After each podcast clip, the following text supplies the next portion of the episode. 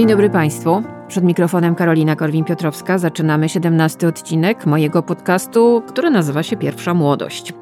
W tle mamy taką nostalgiczną muzykę. Bardzo mi zależało na tym, żeby dzisiaj wyjątkowo nie były ptaszki i robaczki, ale nie bójcie się, będą, będą. Jak już powiedziałam, to jest 17 odcinek pierwszej młodości. Premiery są co tydzień, w każdy piątek o godzinie 18 na Spotify, na Apple Podcast i na Google Podcast. Serdecznie zapraszam do wspierania mnie na Patronite. Po moim ostatnim odcinku, po 16, gdzie mówiłam o tym, że niektórzy piszą do mnie, że wolą zapłacić mi zamiast wydawać na gazetę, usłyszałam bardzo wiele właśnie głosów wsparcia i bardzo jest mi miło, bo trochę ten podcast powstał właśnie, tak jak mówiłam, z mojej niezgody na to, jak wyglądają dzisiaj media. Bardzo dziękuję oczywiście naszemu sponsorowi, firmie The Candle Dust. Zapraszam na ich Instagram. Bardzo fajne rzeczy, ekologiczne. Ja bym byle czego na sponsora tego programu nie brała. No dobrze, dzisiaj będzie trochę nostalgicznie i będzie trochę o dzieciach i będzie trochę o niezbyt fajnych rodzicach. Ale zacznijmy, a zacznijmy od początku. In five, four, three, two. Play to get even. Mama plays to win. Ball, America. Oh. Too slow. Dude, got this. I know what I want to do when I look at you. Oh my gosh, the bear ate Freddy. Bad bear!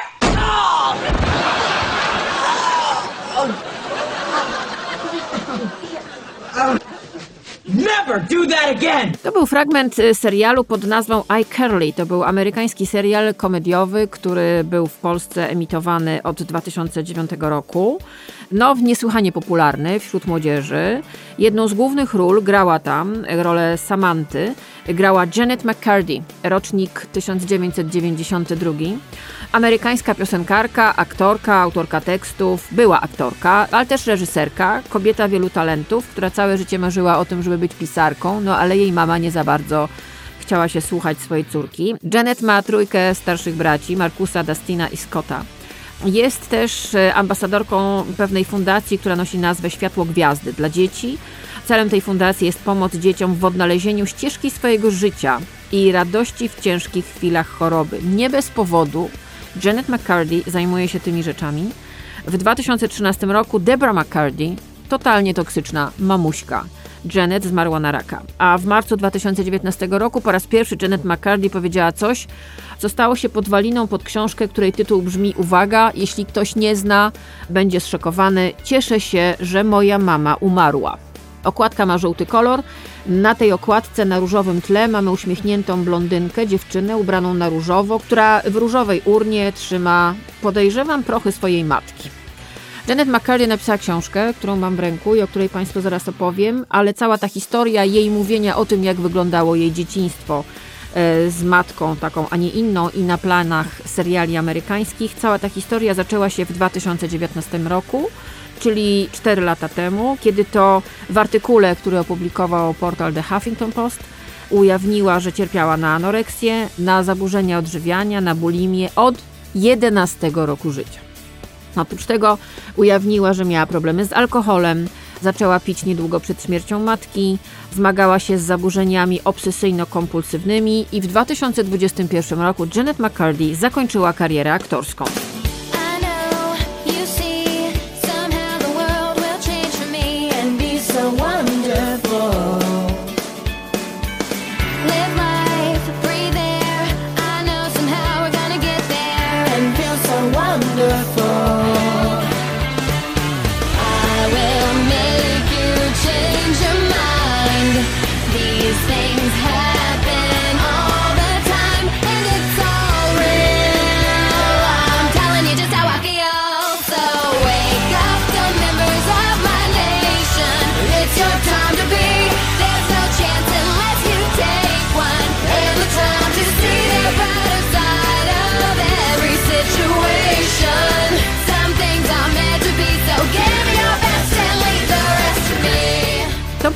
Czołówka, to co Państwo słyszeli, to była czołówka serialu iCarly.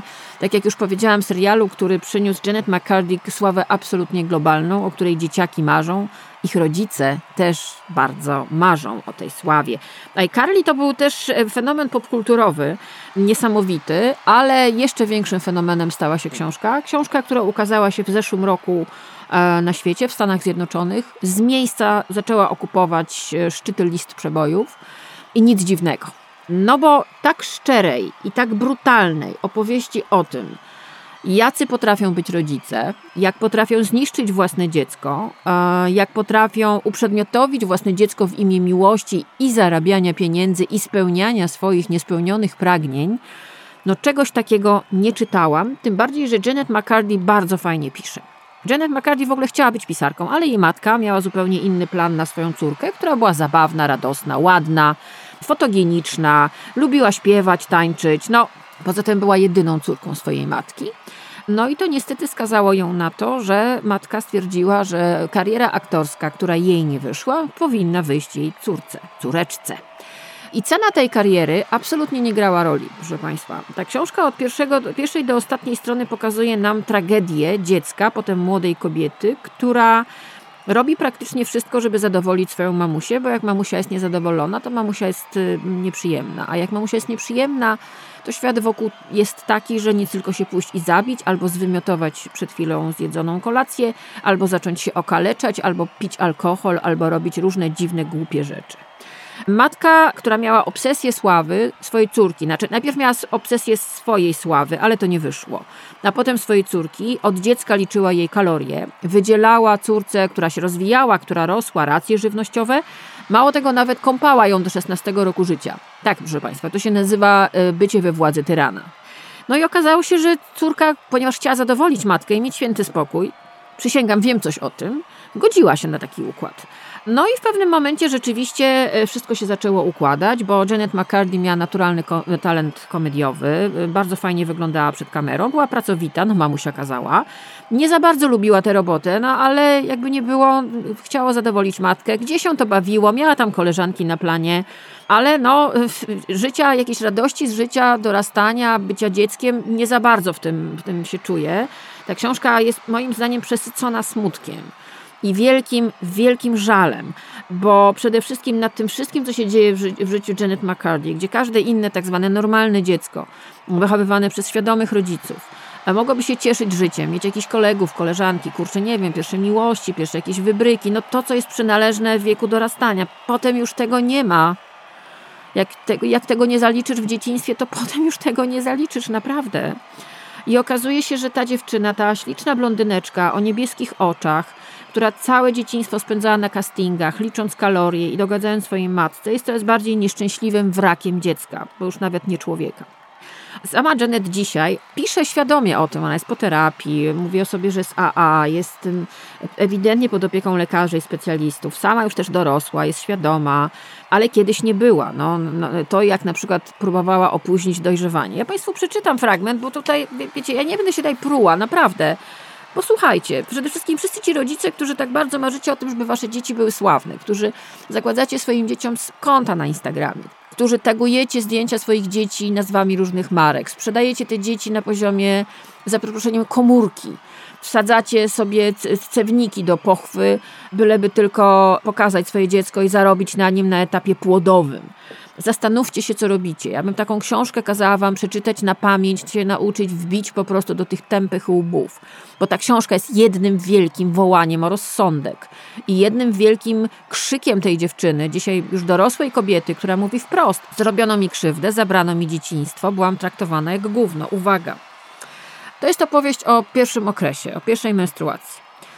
Fragment. W tej chwili siedzę na sedesie w zakrwawionych majtkach spuszczonych do kolan i wiem, że to właśnie to. To, o czym mówiła Teresa. U, mamusiu, wołam. Mama pyta, co się stało, a ja przełykam zgrozę, żeby odpowiedzieć. Krwawie. Drzwi otwierają się z hukiem, zanim słowo ma szansę wybrzmieć i mama bierze mnie w objęcia. Zaznaczam, że siedzę na sedesie. Och, kochanie, mówi jakby pocieszała osobę, która właśnie straciła ukochanego czworonoga. Kochanie, tak mi przykro. Zaznaczam, właśnie matka dowiedziała się, że jej córka staje się kobietą i jej reakcja brzmi, uwaga, kochanie, tak mi przykro. Potem jest jeszcze lepiej, słuchajcie. Mama odrywa długą połać papieru toaletowego i każe mi ją włożyć do majtek, a sama idzie po Pati, moją nauczycielkę o aksamitnym głosie. Patrzę, jak zegar odmierza upiorne 10 minut, po czym wraca mama z Pati, która wyciąga z kieszeni różowy kwadracik zlepiony paskiem białej taśmy i macha mi przed nosem jak banknotem studolarowym. Przytula mnie rozpromieniona, a mama biegnie oznajmić ekipie, dlaczego się spóźniłam. Moje gratulacje, Janet, szepce Patty. Jesteś kobietą. Idę na plan, gdzie kręcimy kolejną scenę, bo oczywiście dostało się w pracy. Ona całe życie wtedy spędzała w pracy. Widzę po minach ekipy, że wszyscy już słyszeli. Prawda? Jaka intymność? Hm? Czuję się upokorzona, ogarnia mnie wstyd. Jak mogłam do tego dopuścić? Jak to możliwe, że stałam się kobietą? Nie znam odpowiedzi, ale znam rozwiązanie. Wiem, jak to naprawić. Od jutra koniec z dwuprocentowym mlekiem, poduszeczkami i ciastkami dietetycznymi. Folgowałam sobie, ale z tym już koniec. Muszę wrócić do anoreksji i znów stać się dzieckiem. To jest, proszę Państwa, opowieść Janet McCarthy o tym, jak stała się kobietą, o tym, jak zareagowała jej matka i jak zareagował plan filmowy serialu, w którym wtedy występowała. Potem mamy opowieść o kolacji, o rozmowie z wielkim twórcą, na który Janet McCarthy idzie ze swoją mamusią. No zaprasza je na kolację, tam są dania główne, homar, makaron, mięsa, tam tararira i y, Janet pisze tak. Wiem, że mama nie będzie zadowolona, jeśli to zjem, ale wiem też, że twórca się obrazi, jeśli nie zjem. Uzna, że mu nie ufam albo mi nie smakuje, dlatego rzucam się na talerz w nadziei, że twórca uwierzy, że jem, a mama domyśli się, że bynajmniej. No więc zaprosiłem was na obiad, ponieważ twórca pociąga ze szklanki, a mama wyczekuje upragnionej puenty. Ale najpierw zmienia temat, jakby celowo przedłużał napięcie. Opowiedz mi na jedno pytanie. Lubisz być sławna? Rozpoznawana? Jeszcze jak, odpowiada za mnie mama. Ona to uwielbia, fani też ją uwielbiają. Prawie zawsze mówią, że jest ich ulubioną postacią. Dziobie widelcem makaron.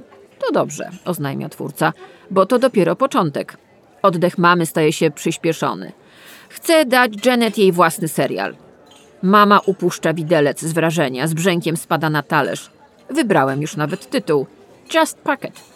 Nie uważacie, że świetny? Pyta z uśmieszkiem. O tak, tak, naprawdę świetny.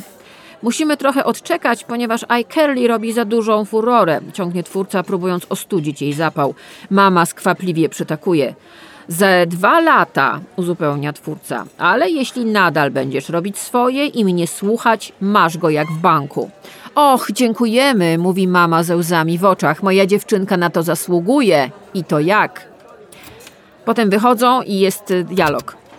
Dlaczego się nie cieszysz? Dostaniesz własny serial, mówi mama w drodze powrotnej. Cieszę się, kłamie. Bardzo się cieszę. To dobrze. Mama zerka na mnie w lusterku wstecznym. I powinnaś. Każdy by chciał być na Twoim miejscu. Proszę Państwa, drodzy rodzice, oczywiście ja zaraz usłyszę, że ja nie mam dzieci, bo nie mam dzieci, ale znam dużo dzieci bardzo nieszczęśliwych i pracuję w showbiznesie prawie 30 lat i widziałam dzieci zniszczone przez showbiznes. Mam koleżanki, które są szefami castingów do różnych reklam, filmów, seriali i one opowiadają, że największym horrorem podczas castingów wcale nie są dzieci, ale ich rodzice, ze szczególnym uwzględnieniem mamusiek.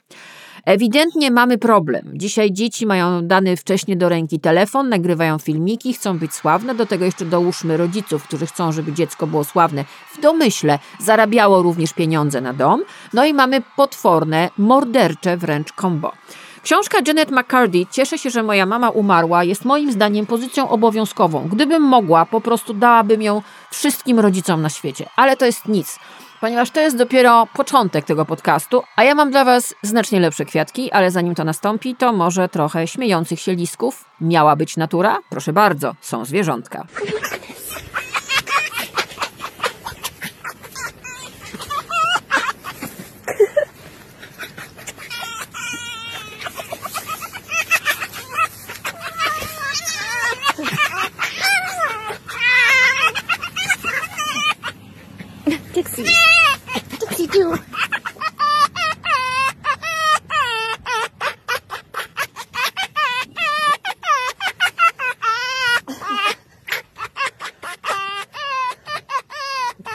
Przechodzimy teraz płynnie po śmiejących się liskach do Brooke Shields. Oczywiście pamiętacie, tak? Ja miałam jej zdjęcie mm, w piórniku. Ona dla mojego pokolenia była absolutną ikoną. Każda dziewczynka chciała być jak Brooke Shields. Naprawdę? Posłuchajcie.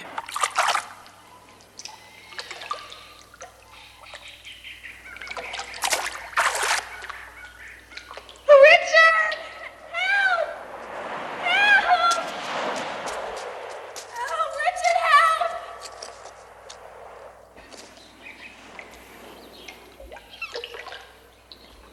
What's wrong?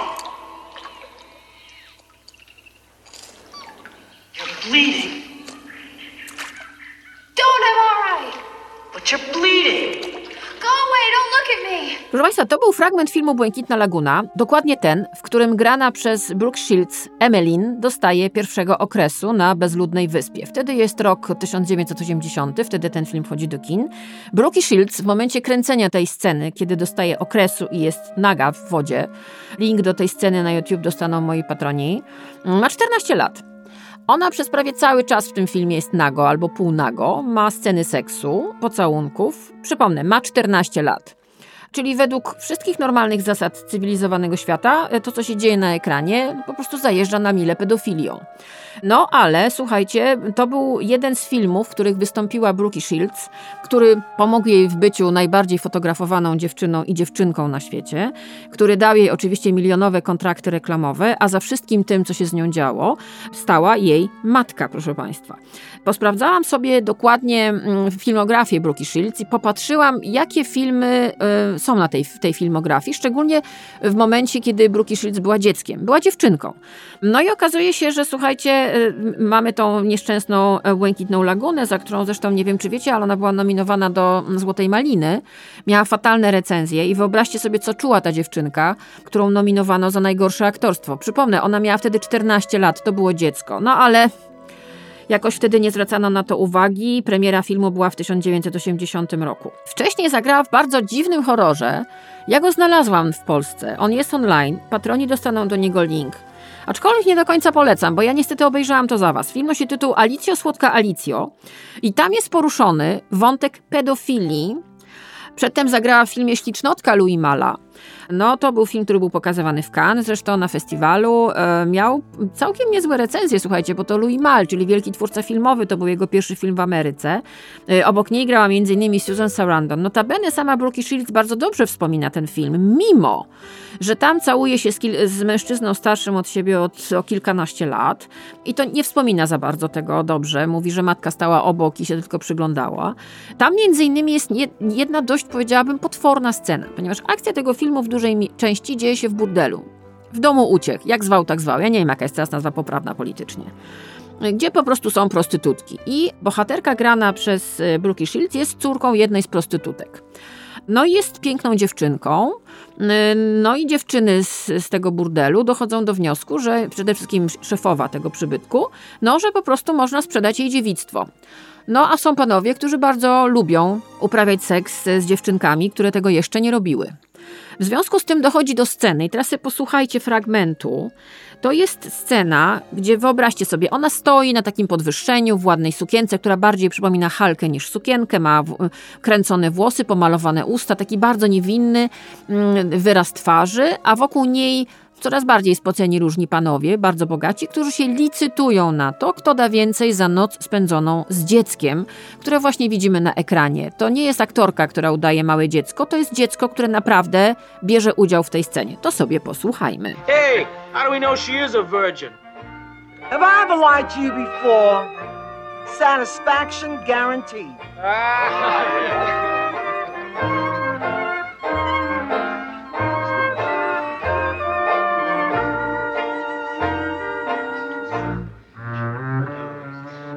Well, gentlemen, I'm getting impatient.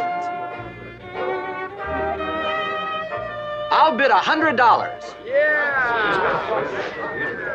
I'm bidding a $120. 150. Fifty dollars. That's beautiful, Senator. Just beautiful. Remember, gentlemen, she's as fresh as a baby's lips. 160. 65. 175. 180. Oh, not in my reach. $200. $200. Gentlemen, gentlemen, 210. Yeah, well, I'll top that with 225. Well, I'll be 230. All right, two hundred and forty dollars. Two fifty. Two hundred and seventy-five dollars, madam. 280. Three hundred.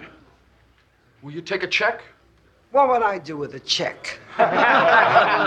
Więc jak słyszymy, facet chce zapłacić za jej dziewictwo czekiem. No i rzeczywiście ten film wywołał duży, dużą kontrowersję. Z jednej strony krytycy byli zadowoleni, no bo cokolwiek zrobił Louis Malle, który wtedy był wielkim nazwiskiem kina. Obsada, e, Susan Sarandon, e, no naprawdę, to, to ten film walczył o Złotą Palmę na festiwalu filmowym w Cannes w 1978. E, Lata 70. były doskonałym okresem dla kina. Krytycy wypowiadali się bardzo dobrze o tym filmie, ale z drugiej strony była kontrowersja i ona się pojawiła. Ja zna, znalazłam między innymi historię o tym, że jak w Cannes był ten film, był, miał swój pokaz, to doszło do kilku sytuacji bardzo groźnych, ponieważ y, ludzie atakowali Brooke Shields i chcieli obciąć jej włosy. Jeden z, napastników został złapany, zatrzymany, ale wyobraźcie sobie, dziewczynka, wtedy Brooke Shields ma 13 lat, gra w filmie, w którym gra małoletnią, znaczy gra córkę prostytutki, której dziewictwo za chwilę będzie sprzedane. Ja się zastanawiam, czy ona sobie w ogóle zdawała sprawę z tego, o czym to jest film i co to jest za scena. Cofnijmy się trochę w czasie. Brooke Shields w tej chwili jest na ustach wszystkich, ponieważ pojawi się za chwilę w kwietniu, będzie miał premierę na Hulu. Ja mam nadzieję, że za chwilę też w Polsce dokument o niej, w którym ona otwarcie opowiada, co jej zrobił show biznes i co jej zrobiła matka. Przypomnę, Brooke Shields urodziła się w maju, 31 maja 65 roku w Nowym Jorku. Ona była córką fotomodelki Terry Shields i przedsiębiorcy z arystokratycznymi korzeniami, Francisa Aleksandra Shieldsa. Jest plotka, która nie jest potwierdzona o tym, że rodzina ojca, czyli owego Shieldsa, zapłaciła e, pani Shields za to, żeby zap- usunęła ciążę, ale ona wzięła pieniądze, ale córkę i tak urodziła. Jak było, nie, nie wiadomo do końca. Mm, Jedno jest pewne, kiedy Brooke miała 5 miesięcy i rodzice się rozwiedli. Ojciec tak naprawdę nie, nie, nie był w jej życiu w ogóle. Całą władzę rodzicielską i władzę nad dzieckiem miała matka, która bardzo szybko się zorientowała, że ma piękną córkę. E, 11-miesięczna Brooke już pojawiła się w reklamie mydła, no a potem już poleciało. Zresztą tę reklamę fotografował światowej sławy fotograf Francesco Scavullo, absolutny Bóg wtedy. No i rzeczywiście te zdjęcia były wspaniałe, można je zobaczyć w internecie i ona zaczęła po prostu karierę e, modelki niemowlęcej, że tak powiem. Reklamowała pieluchy, talk kosmetyczny, mleko, później też lalki. I teraz tak, miała 9 lat, kiedy zaczęła się pojawiać w filmach. Tak jak mówię, miała 12 lat, kiedy za, zagrała w bardzo dziwnym horrorze Alicja, Słodka Alicja. O tytuł oryginalny też jest Communion z 76 roku, gdzie jest potężny wątek pedofilski. I naprawdę ogląda się to i myślisz sobie, Matko Boska, czy ktoś w ogóle nad tymi dziećmi tam pilnował tych dzieciaków? Nie wiem. Miała 14 lat, kiedy była najmłodszą modelką, która kiedykolwiek pracowała dla Woga, czyli dla Biblii Mody, a potem, kiedy miała lat 15, to już było po tej nieszczęsnej Błękitnej Lagunie, jej twarz była wszędzie, w Cosmopolitan, w Glamour, Harper's Bazaar, Seventeen. No i rzeczywiście trzeba przyznać, kariera się rozwijała. Miała zaledwie 15 lat, proszę Państwa, czyli no to jeszcze był dzieciak kiedy pojawiła się na plakatach ubrana tylko w dżinsy Calvina Kleina i to jest słynna reklama, proszę Państwa, taka... No zresztą ją za chwilę Państwu puszczę. Ale co jest ważne, Brooke Shields jest, jest sterowana cały czas przez matkę. Matka staje się jej menadżerką, matka jest z nią wszędzie, matka z nią jeździ, matka nią steruje, matka wybiera kontrakty reklamowe, matka decyduje za nią. Pojawia się z nią na wywiadach, siedzi często obok, bo Brooke wtedy też jest goś, gościnią w bardzo wielu talk showach. E, Rzeczywiście w latach 80. i dziewię- po- pierwszej połowie lat 90. staje się idolką nastolatek, ale lata 80. są jej. Ona zresztą trafia na okładkę Time'a jako twarz nowej epoki. Pojawiła się, słuchajcie, sprawdzy, sprawdziłam to i to są potwierdzone źródła, miała 400 okładek różnych magazynów i nazywana była z dumą najczęściej fotografowaną kobietą na świecie. Potem przebiła ją księżna Diana. Mm, Magazyn People uznał ją za jedną z najbardziej intrygujących osób świata kilka lat z rzędu i za jedną z najpiękniejszych osób świata w latach 1996 i w roku 2000. No to sobie posłuchajcie fragmentu zwiastunu filmu Alicjo, słodka Alicjo. To jest horror, w którym występuje Brooke Shields. Uwaga, ma wtedy 11 lat. Brooke Shields. In Holy Terror. Alice was too old to play with dolls and too young to make love.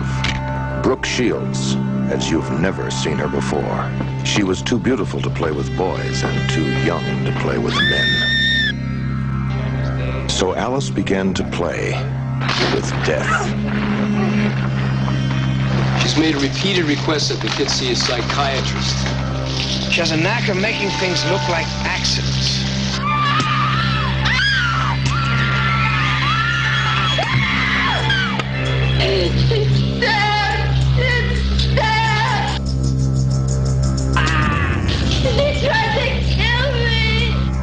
Dolls, no more toys. Alice only plays with bodies. Brookie Shields mówi dzisiaj tak. Nie był to jednak wybór gwiazdy, ale mojej matki, Terry Shields, która angażowała mnie do pracy w reklamach. Otwarcie w, w bardzo mocnym wywiadzie w The Sunday Times Magazine ona mówi, że ma żal do swojej matki. To się nam wydaje dzisiaj potworne i ta historia trochę daje mi do myślenia też, że jednak świat się trochę zmienił, może jednak trochę na lepsze, że mamy większą świadomość. Dzisiaj nikt by do tego nie dopuścił, no ale wtedy mamy szalone lata 70. i 80. I ta kariera była kierowana przez cały czas przez matkę. E, W momencie rzeczywiście, kiedy Brookie Shields zyskuje pełnoletność, zaczyna wybijać się na tak zwaną niepodległość, co nie zmienia jednak faktu, że rzeczywiście cały czas jest uzależniona też emocjonalnie od matki i o tym mówię. Mówiłam o tej reklamie e, Calvina Kleina, zdjęcia do niej robił Richard Avedon, jeden z najwybitniejszych fotografów wszechczasów. To był ogromny budżet i taka, ta reklama jeansów Calvina Kleina stała się rzeczywiście momentem przełomowym i Trzeba przyznać, że w tym momencie to trio Calvin Klein, Richard Avedon i Brookie Shields no, stworzyli jakąś tam cegiełkę do bu- budynku z napisem popkultura. Ta reklama była wszędzie, jej twarz, jej pupa, ale zresztą posłuchajcie, bo to jest ta najsłynniejsza reklama, w której wystąpiła Brookie Shields, bo było ich kilkanaście, było kilkanaście różnych wersji.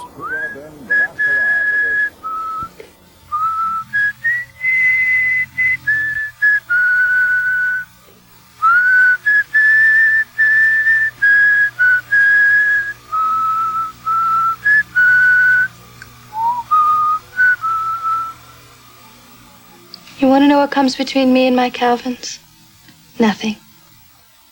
Calvin Klein jeans. No i ta najsłynniejsza dziewica świata, bo uwaga, wyobraźcie sobie, że tak była nazywana, e, wystąpiła w reklamie, w której mówi otwarcie, że nie ma nic między nią a jej Calvinami.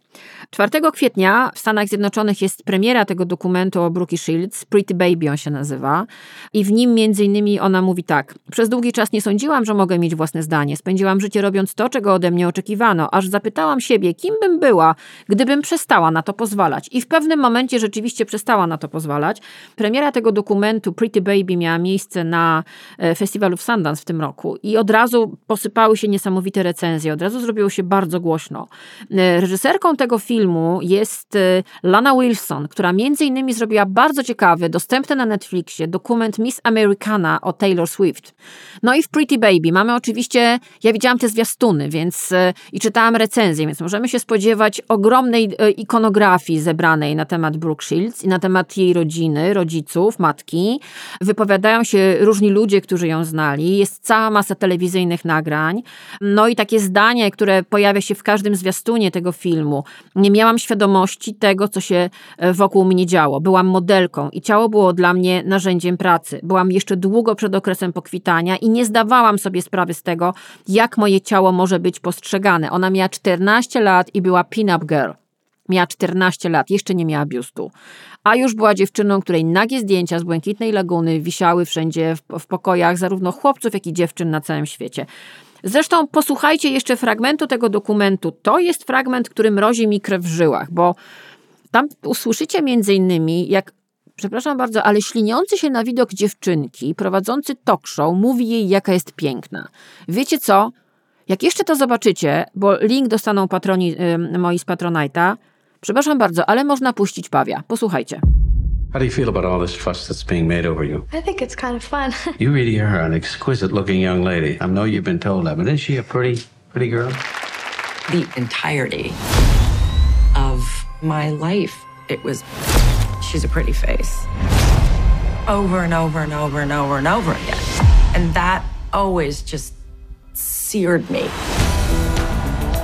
You just didn't go anywhere that somebody wouldn't know Brooke Shields. The most photographed woman in the world. Iconic American beauty. Object of desire. A sexualized child model. Exploitation. Vulnerable. I was on the cover of Time magazine as the face of that whole era. Bardzo czekam na premierę dokumentu o Brooke Shields. Mam nadzieję, że szybko będzie w Polsce. Myślę, że to będzie duże wydarzenie, bo też w Polsce mamy bardzo wiele coraz więcej, niestety, gwiazd młodocianych z lat 80., 90., 2000, które już mogą powiedzieć, że po prostu skopano im życie. A wiecie, moi drodzy, kim jest Ewa Jonesko? Bo jeżeli wpisujecie sobie w Google Brooke Shields, to bardzo szybko też wyskakuje Wam Ewa Jonesko. I na przykład na YouTubie są takie materiały najbardziej kontrowersyjna modelka dziecięca. Zacznijmy od tego, że w 2012 roku, czyli 11 lat temu, Ewa Jonesko, aktorka, reżyserka, pisarka, pozwała swoją matkę. Jej matką była Irina Jonesko, która w latach 70. zyskała ogromną popularność dzięki cyklowi zdjęć. Bohaterką tych zdjęć była jej córka. To jest normalne, prawda? Rodzice robią zdjęcia swoim dzieciom. Mhm. Tylko wiecie, ja zobaczyłam te zdjęcia, one są w internecie. Trzeba wejść na specjalne strony. Ja weszłam. Potem musiałam odwirusować komputer. I to są zdjęcia, które matka robiła swojej małej córeczce, nagie zdjęcia, na których to tych zdjęciach widać krocze tego dziecka, są rozchylone nogi tego dziecka, są na przykład dopiero wykształcające się piersi, dziewczynka leży w pozach, no, Playboy to jest nic. Mówię wam, ja to widziałam. Dziewczynka ma piękne, jasne loki, jest bardzo ładna, ma taki trochę zbuntowany wyraz twarzy, duże oczy, nawet mam, mam grupy fanów w internecie i tam wszyscy wspominają o tych niesamowitych oczach Ewy Jonesko. Rzeczywiście, te oczy są bardzo dorosłe. Zbyt dorosłe na, na, na wiek Ewy Jonesko. I to dzięki matce, słuchajcie, Ewa Jonesko, kiedy była dziewczynką, też była wychowywana tylko przez matkę. Ewa Jonesko została modelką Playboya. Kiedy numer się tego Playboya ukazał na rynku, Ewa miała 11 lat. Ja widziałam to zdjęcie, które było w Playboyu. Nagie zdjęcia Ewy Jonesko w wieku lat 11 pojawiły się m.in. w Der Spiegel, były w Penthausie. I to są naprawdę strasznie mocne zdjęcia. Znaczy, ja, ja byłam przerażona. Ja nie, nie, nie zdawałam sobie sprawy z tego, że coś takiego zobaczę kiedykolwiek. Mało tego, że te zdjęcia były, nikt tego nie banował. E, ludzie na to pozwalali, to było drukowane, nikt się nie sprzeciwił temu, że 11-letnia dziewczynka z ledwo zarysowanymi piersiami jest naga fotografowana przez swoją matkę w pozach, w których mogłyby pozować kobiety zdecydowanie bardzo lekkich obyczajów. To nie wygląda dobrze. Ewa Jonesko, kiedy już dorosła, bo potem, e, kiedy miała 12 lat, odebrano prawa rodzicielskie jej matki do niej. Ona się tułała po różnych zakładach wychowawczych. To to, w ogóle jej życiorys to jest jakiś obłęd. Więc Ewa Jonesko, to, że ona wyszła na ludzi, jak to mówią, to jest w ogóle jakiś cud. Ona stała się między innymi reżyserką, tak jak mówię, pisarką. Swoje życie opisała w dwóch biograficznych powieściach, a relację z matką ukazała w, y, w filmie wyreżyserowanym przez siebie. Link patroni dostaną do tego filmu. Film nosi tytuł Moja mała księżniczka. Dobry tytuł, bardzo adekwatny.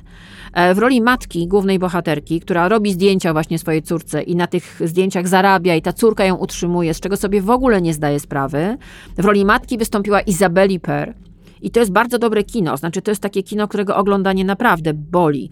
Zresztą posłuchajcie, to jest fragment oryginalnego zwiastunu filmu Ewy Jonesko pod tytułem Moja mała księżniczka z Izabel Per w roli głównej. Tu crois qu'elle viendra, maman Avec ta mère Je sais jamais. Maman J'ai toujours dit que je reviendrai. Tu viens? Entre. Ça te plairait de pousser pour moi? Oui. On touche pas à ça.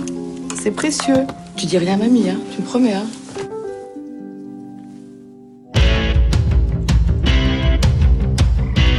Ah non, non, souris pas. Les sourires, c'est con, c'est pour les mariages. Tu fais la séductrice. Tu sais, toi. Je sais pas comment tu fais, mais tu sais.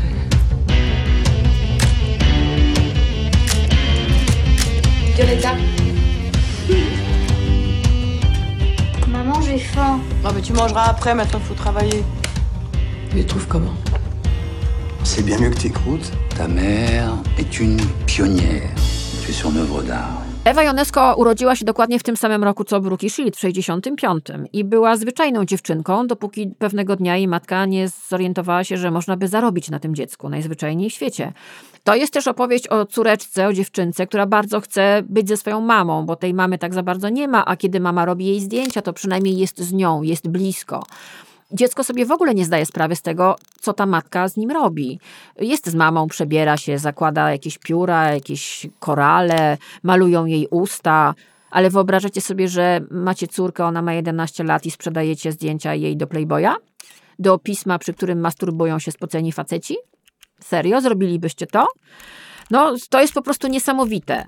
Zresztą masa jest tych zdjęć, one są w internecie i wyglądają bardzo źle. One między innymi na przykład wylądowały w Penthouse. Penthouse był znacznie mocniejszy, znacznie ostrzejszy niż Playboy. Były w niemieckim Der Spiegel i słuchajcie, nikogo nie, nie ruszyło, że słuchajcie, to jest pedofilia. Ale przy okazji, jak wpisujecie w Google na przykład Ewa Jonesko i zaczynacie wchodzić w poważne artykuły, nie mówię o prasie plotkarskiej na temat jej i jej matki i tego, co jej zrobiono, to przy okazji można też poczytać o tym, czym pedofilia była w latach 70., jak w ogóle była postrzegana. Wyobraźcie sobie sytuację z planu filmu Lokator Romana Polańskiego, gdzie zresztą Ewa Jonesko ma jedną scenę. Możecie wpisać e, Lokator Ewa Jonesko w, na YouTube. Zresztą patroni dostaną linka do tej sceny. I tam ona gra. Jest w jednej scenie, i ma rzeczywiście widać te niesamowite oczy, te włosy, bardzo fotogeniczna, śliczna dziewczynka. No i słuchajcie, wyobraźcie sobie sytuację, że jej matka przyprowadziła ją Polańskiemu mm, z nadzieją, że on się z nią prześpi i nawet dla niego była za młoda. I Ewa Jonesko, y, jak opisuje to, no, sama była zdziwiona tym wszystkim i była przerażona, że nie spełniła pokładanych nadziei przez matkę w niej. Aż mi jest słabo, jak to wam mówię, ale ta historia jest po prostu obrzydliwa, ohydna. Jedno, co się udało zrobić. W 2015 roku paryski sąd apelacyjny zakazał pani Jonesko, czyli matce Ewy, wystawiania, sprzedaży lub przekazywania zdjęć jej córki bez jej zgody i nakazał jej wypłacenia też odszkodowania w wysokości 70 tysięcy euro.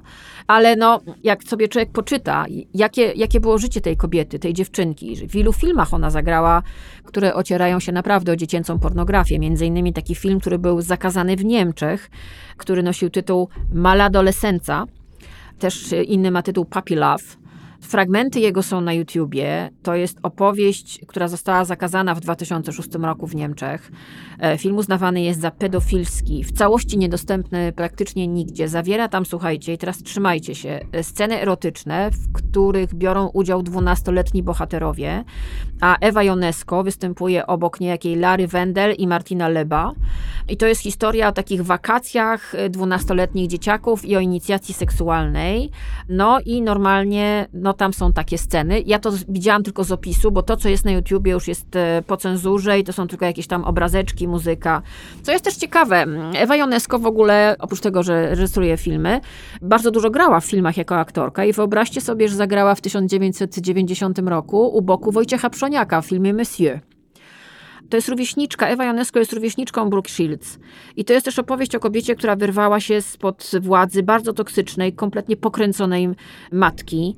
Coś niesamowitego. Tak więc jeśli myślimy o Janet McCarthy, o Brooke Shields, pomyślmy też o Ewie Jonesko. No i jeszcze jedna rzecz. Ja myślę, że chcę wierzyć w to, że część słuchaczy tego podcastu będzie wiedziało, z jakiego to jest filmu. Dadziu! Dadziu! W 1970 roku, czyli ponad 40 lat temu, Lucchino Visconti, wybitny rzeczywiście twórca włoskiego kina, bardzo kontrowersyjny, gay, muszę tutaj to zaznaczyć, bo to ma dużą wagę w tej historii, szukał w różnych krajach e, Europy młodego chłopca, który zagrałby rolę Tadzia w ekranizacji Tomasza Mana Śmierci w Wenecji. Szukał chłopca, który byłby uosobieniem nieprzemijalnego, idealnego piękna, bo taki jest Tadzio w powieści Tomasza Mana. Bardzo długo tego chłopca szukał. 150 przesłuchań e, nie, nie było. Znaczy, no, to jest wizja reżysera, tak? Szukasz, szukasz, aż znajdziesz, albo po prostu nie robisz tego projektu. Zresztą Visconti był szczegularzem. Słynął z tego, że na przykład e, kiedy robił scenę e, jedzenia, e, uczty, to aktorzy mieli prawdziwe jedzenie, prawdziwy alkohol, jedli na prawdziwej porcelanie. On nie uznawał półśrodków, więc szukał, szukał. I słuchajcie, w Sztokholmie trafił na wówczas 15-letniego Bierna Andersena. No i rok później doszło do premiery filmu Śmierć w Wenecji. E, Była królowa Elżbieta II. No i wtedy odbyła się konferencja prasowa z okazji premiery tego filmu i wtedy to Lucchino Visconti, Andersen siedział obok niego. Powiedział o nim, że to jest najpiękniejszy chłopiec na świecie. I to jest taka stygma, która za Andersenem ciągnęła się całe jego życie i ciągnie się dalej, słuchajcie. Bo pojechali z tym filmem do Cannes, Andersen zaczął robić karierę y, jako taki pin-up boy, że tak powiem, no bo najpiękniejszy chłopiec na świecie, powiedział to wybitny reżyser Lucchino Visconti. Rzeczywiście w filmie Śmierć w Wenecji, ja za chwilę opowiem wam dla tych, co nie widzieli, o co chodzi w tym filmie. On jest takim ideałem chłopca, jest takim efebem. To już nie jest dziecko, jeszcze nie jest, mąż, jeszcze nie jest mężczyzna. Widzimy, że jest w takim momencie właśnie, kiedy jest efebem, jeszcze jest jakby pomiędzy. Jest rzeczywiście bardzo urodziwy, ma bardzo piękne spojrzenie, ma piękne rysy twarzy, ma wspaniałe włosy, jakąś ogromną grację w ruchach, to też widać. No to Visconti był bardzo czuły na tym punkcie. Jemu zależało na tym, żeby Tadzio ta postać była kluczowa dla całej tej historii. No i wyobraźcie sobie, że Björn Andersen przyjeżdża do Cannes razem z Viscontim i słuchajcie, tam spotyka między innymi agentów z Japonii, którzy robią z niego pierwszą wielką gwiazdę z zachodniego świata na rynku muzycznym japońskim. Nie znając japońskiego, śpiewa japońskie piosenki o miłości. I to wszystko możemy oglądać w filmie pod tytułem Najpiękniejszy chłopiec na świecie, który jest filmem dokumentalnym, którego oglądanie boli. Ja ten film widziałam chyba ze 3-4 razy nawet, bo ja bardzo lubię Viscontiego i ja wiem, jak bardzo kontrowersyjnym był człowiekiem. E, zresztą sam e, Andersen mówi, że na, sam, na planie nikt go nie molestował, nic się z nim złego nie działo, że bardzo o niego dbano i że wręcz atmosfera była prawie idylliczna. Visconti rzeczywiście dbał o aktorów. E, dla niego plan był święty, dla niego kino było sztuką i rzeczywiście momentami nie do zniesienia podejrzewam, ale rzeczywiście no, miał cel, do którego dążył. Niestety czasami po trupach. Czy miał świadomość z tego, że stygmatyzuje y, Andersena na całe życie tym określeniem najpiękniejszy chłopiec na świecie? Wydaje mi się, że nie do końca. Ale potem myślę, że też z tego korzystał, bo no, przyczynił się też do ogromnej kariery, jaką film Śmierć w Wenecji zrobił na całym świecie. Ale uroda stała się przekleństwem Andersena. Cały świat miał u stóp, miał zaledwie 15 lat. Wiadomo, że nie wiedział, jak sobie z tym poradzić. I teraz ten dokument, o którym Państwu mówię, którego, do którego link oczywiście dostaną patronie, jeszcze, jeśli go jeszcze ktoś nie widział, a warto. Tylko od razu mówię, to jest bardzo smutna, bardzo traumatyczna, bardzo taka ciężka opowieść. Autorami tego dokumentu są Christina Lindström i Christian Petri.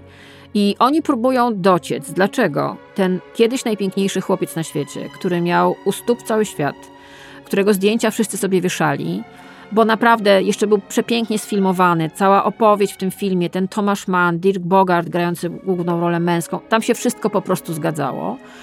Co się takiego stało, że dzisiaj mieszka w mieszkaniu, które sąsiedzi no, uznają za niebezpieczne dla otoczenia, jest tak naprawdę nędzarzem, jest y, człowiekiem, który no, no, jest na marginesie.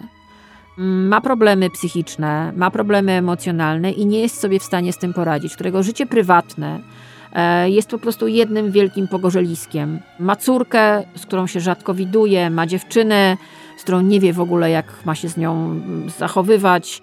Ma mieszkanie, które, o które nie umie dbać, ma, samo siebie nie umie zadbać. To też jest niesamowite. No, ale słuchajcie, to jest też opowieść. Dlaczego o tym mówię? Bo tego Bierna na casting wysłała babcia. Ona bardzo pragnęła, żeby wnuczek był gwiazdą. Wnuczek grał na różnych instrumentach, a ona wnuczka wychowywała, bo jego matka, czego też dowiadujemy się w tym dokumencie, zginęła w tajemniczych okolicznościach.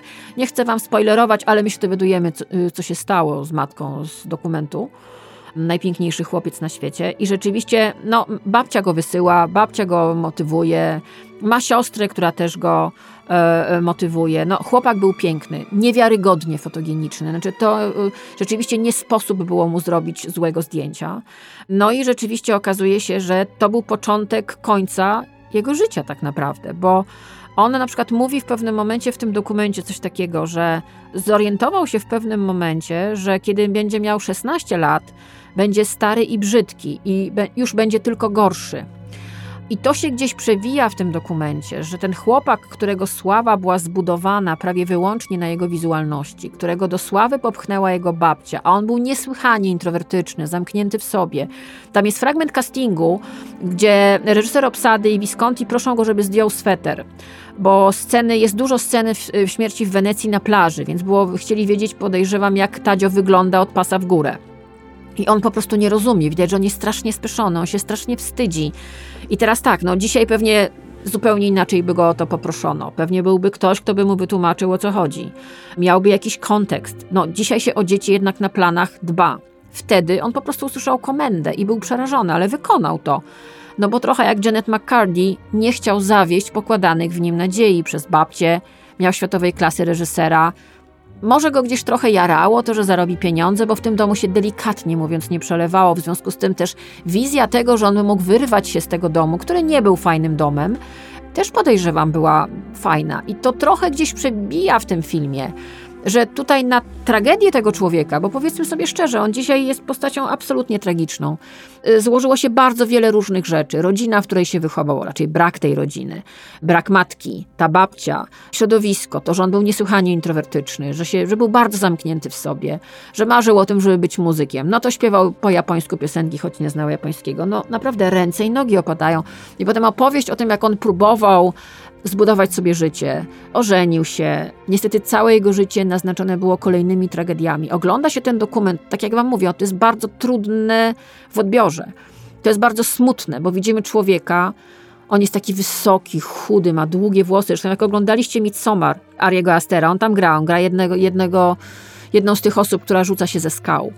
On czasami gdzieś tam występuje, ale to nie znaczy, że on sobie układa jakoś życie, że on sobie to jakoś w stanie uporządkować. To jest dorosły mężczyzna, który dalej jest gdzieś jak to dziecko, jakby go ktoś zamroził w momencie, kiedy miał te 14 lat i poszedł na casting do Viscontiego, który szukał najpiękniejszego chłopca na świecie, do filmu, który no, jest absolutnie jednym z najważniejszych w historii kina i obejrzałam go niedawno i w ogóle się nic nie zestarzał. Zresztą posłuchajcie, to jest fragment wypowiedzi Viscontiego o pięknie absolutnym. Absolutely beauty exists.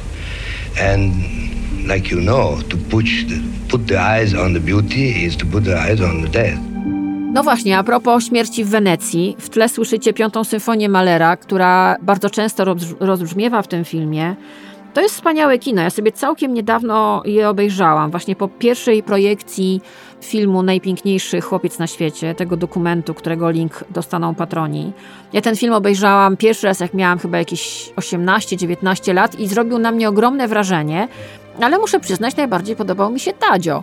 No bo jak jest się nastolatką, to ci się podoba śliczny chłopak. Co cię tam obchodzi jakiś po prostu starszy facet Aschenbach, kompozytor, mm, chociaż w noweli był pisarzem, ale w filmie jest kompozytorem, który jedzie do Wenecji, wygrzewać się na piaseczku i czuje, że jego życie się kończy. No co cię obchodzi jakiś stary koleś? Widzisz Tadzia, który jest piękny, no po prostu nie można oderwać od niego wzroku. Jeszcze Visconti tak go, tak go filmuje, no, że to jest po prostu obiekt seksualny, aczkolwiek jest to dalej dzieciak. On się tam wygłupia z rodzeństwem, z rodziną, wygłupia się na tej plaży, a Aschenbach przyjeżdża do Wenecji, porzucił swój tak naprawdę uporządkowany świat, szuka czegoś, tak? Niektórzy mówią, że sakrum, no przeróżne są interpretacje tego filmu, ale on przybywa do Wenecji i to jest o tyle fascynujące miejsce, mam, nie wiem czy byliście, ale to jest miasto, które jest zarówno lądem stałym, jak i jest morzem. I to jest takie miejsce, które jest niesamowite, jest, jest gdzieś magiczne. Ja nie jestem totalnie fanką Wenecji, ale rozumiem fascynację ludzi tym miejscem. No i Aschenbach sobie wymyślił, że jadę do Wenecji. On tam siada na plaży, obserwuje ludzi, którzy się bawią, śmieją, opalają, czytają książki i widzi tego Tadzia. I ten Tadzio Aschenbach jest chory, Aschenbach odchodzi. Ma, ma już po prostu ewidentnie świadomość, że chyba niedługo umrze. A jest człowiekiem inteligentnym, wrażliwym, może nadwrażliwym i czuje, że może to, co widzi każdego dnia, to już jest ostatni dzień w jego życiu i te widoki, które widzi, chciałby zapamiętać. Więc jak w pewnym momencie widzi przepięknego chłopca, na widok którego zamiera po prostu, nie wiem, czy tam są jakieś podteksty e, gejowskie, nie interesuje mnie to, czy pedofilskie, dla mnie to jest opowieść o tym, że człowiek, który umiera i ma przeczucie, że jego życie się kończy, zawiesza oko na czymś, co jest pięknem absolutnym i w przeciwieństwie do niego ma całe życie przed sobą. I bawi się, i jest radosny, i się śmieje, i każdy śmiech Tadzia, e, jego wygłupy na plaży przypominają Aschenbachowi to, że on już tego nigdy w życiu nie będzie miał. I to go boli coraz bardziej, zresztą na, na koniec on umiera na plaży, w fotelu, i widzi Tadzia, który wchodzi do, do morza, wygłupia się, pozuje, jest na tle zachodzącego słońca. To jest przepiękna scena, bardzo smutna scena. Człowieka, który w ostatnim tchnieniu zawiesza oko na doskonałości, której nigdy nie osiągnął, może kiedyś był blisko i której już nie osiągnie, bo wie, że to się kończy. Piękny, bardzo nastrojowy film, Obejrzałam go, tak jak mówię, niedawno, po pierwszej projekcji mojej prywatnej filmu Najpiękniejszy chłopiec na świecie, że ze wspaniałym Derkiem Bogardem w roli Gustawa von Aschenbacha. I ta rola jest wspaniała i dla osoby, która już no, trochę lat ma, trochę więcej niż 18, to jest dla mnie film o przemijaniu. I to jest film o tym, że czasami zawiesza się oko bez względu na to, ile ten ktoś ma lat i jakiej jest płci, na kimś, o kim wiesz, że całe życie jest przed nim. A o sobie już tego nie możesz powiedzieć. I to jest o tym opowieść. Piękny film z czyli adresenem w roli głównej, nastrojowy, cudowny, ale też stygmatyzujący tego młodego chłopca, najpiękniejszego chłopca na świecie na całe życie, zniewalający go do końca, będący początkiem końca jego normalnego funkcjonowania, bo on tak naprawdę od momentu premiery tego filmu stał się niewolnikiem wizerunku Tadzia. On nawet jak w tej Japonii był, to zobaczycie sobie, stylizowany był na Tadzia. Nie pozwalano mu się ubrać w, w, we współczesne ubrania. A rzeczywiście dziewczynki w Japonii y, no, na jego widok zachowywały się, jakby widziały Beatlesów albo Rolling Stonesów, naprawdę. Znaczy, on był uwielbiany. No i mężczyźni na jego widok też. Tam jest przemilczana sprawa tego, czy on miał kontakty homoseksualne, czy nie, ale wydaje mi się, że tam się coś działo, że on też w pewnym momencie jest taki pasus o jego pobycie w Paryżu y, w eleganckim apartamencie, gdzie podejrzewam, ktoś go sobie po prostu wynajął. To jest delikatnie opowiedziane, ale wydaje mi się, że tutaj też on miał różne, mm, no, że tak powiem, przygody seksualne. I to też stanowczo za wcześnie. Wszystko stało się przez to, że nikt nie pomyślał, nikt nie miał świadomości wtedy, w latach 70., że to są dzieci. I że tym dzieciom jednym określeniem, jedną sytuacją można po prostu zniszczyć życie. No, proszę Państwa, będziemy powoli kończyć, ale bardzo Was zachęcam do obejrzenia Śmierci w Wenecji. Właśnie tak sobie myślałam, że to jest też opowieść o tym, że świat, który znamy, się kończy. To jest bardzo dekadencki film. To jest też opowieść o tym, że kultura, którą znamy, też się kończy. I że życie, które znamy, się kończy. To jest niesłychany mm, film na te czasy, które mamy. Wystarczy wyjrzeć za okno. Na tym polega siła wielkich dzieł sztuki, że one są ponadczasowe. I Śmierć w Wenecji, czy nam się to podoba, czy nie, wspaniały film Lukino Viscontiego na podstawie prozy Tomasza Mana, no jest takim dziełem. Szkoda, że w tym wszystkim jest chłopiec, którego życie wtedy zostało złamane.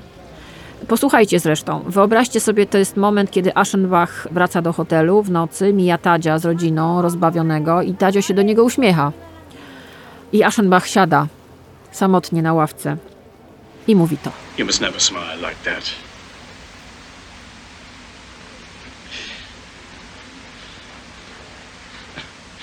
You must never smile like that at anyone.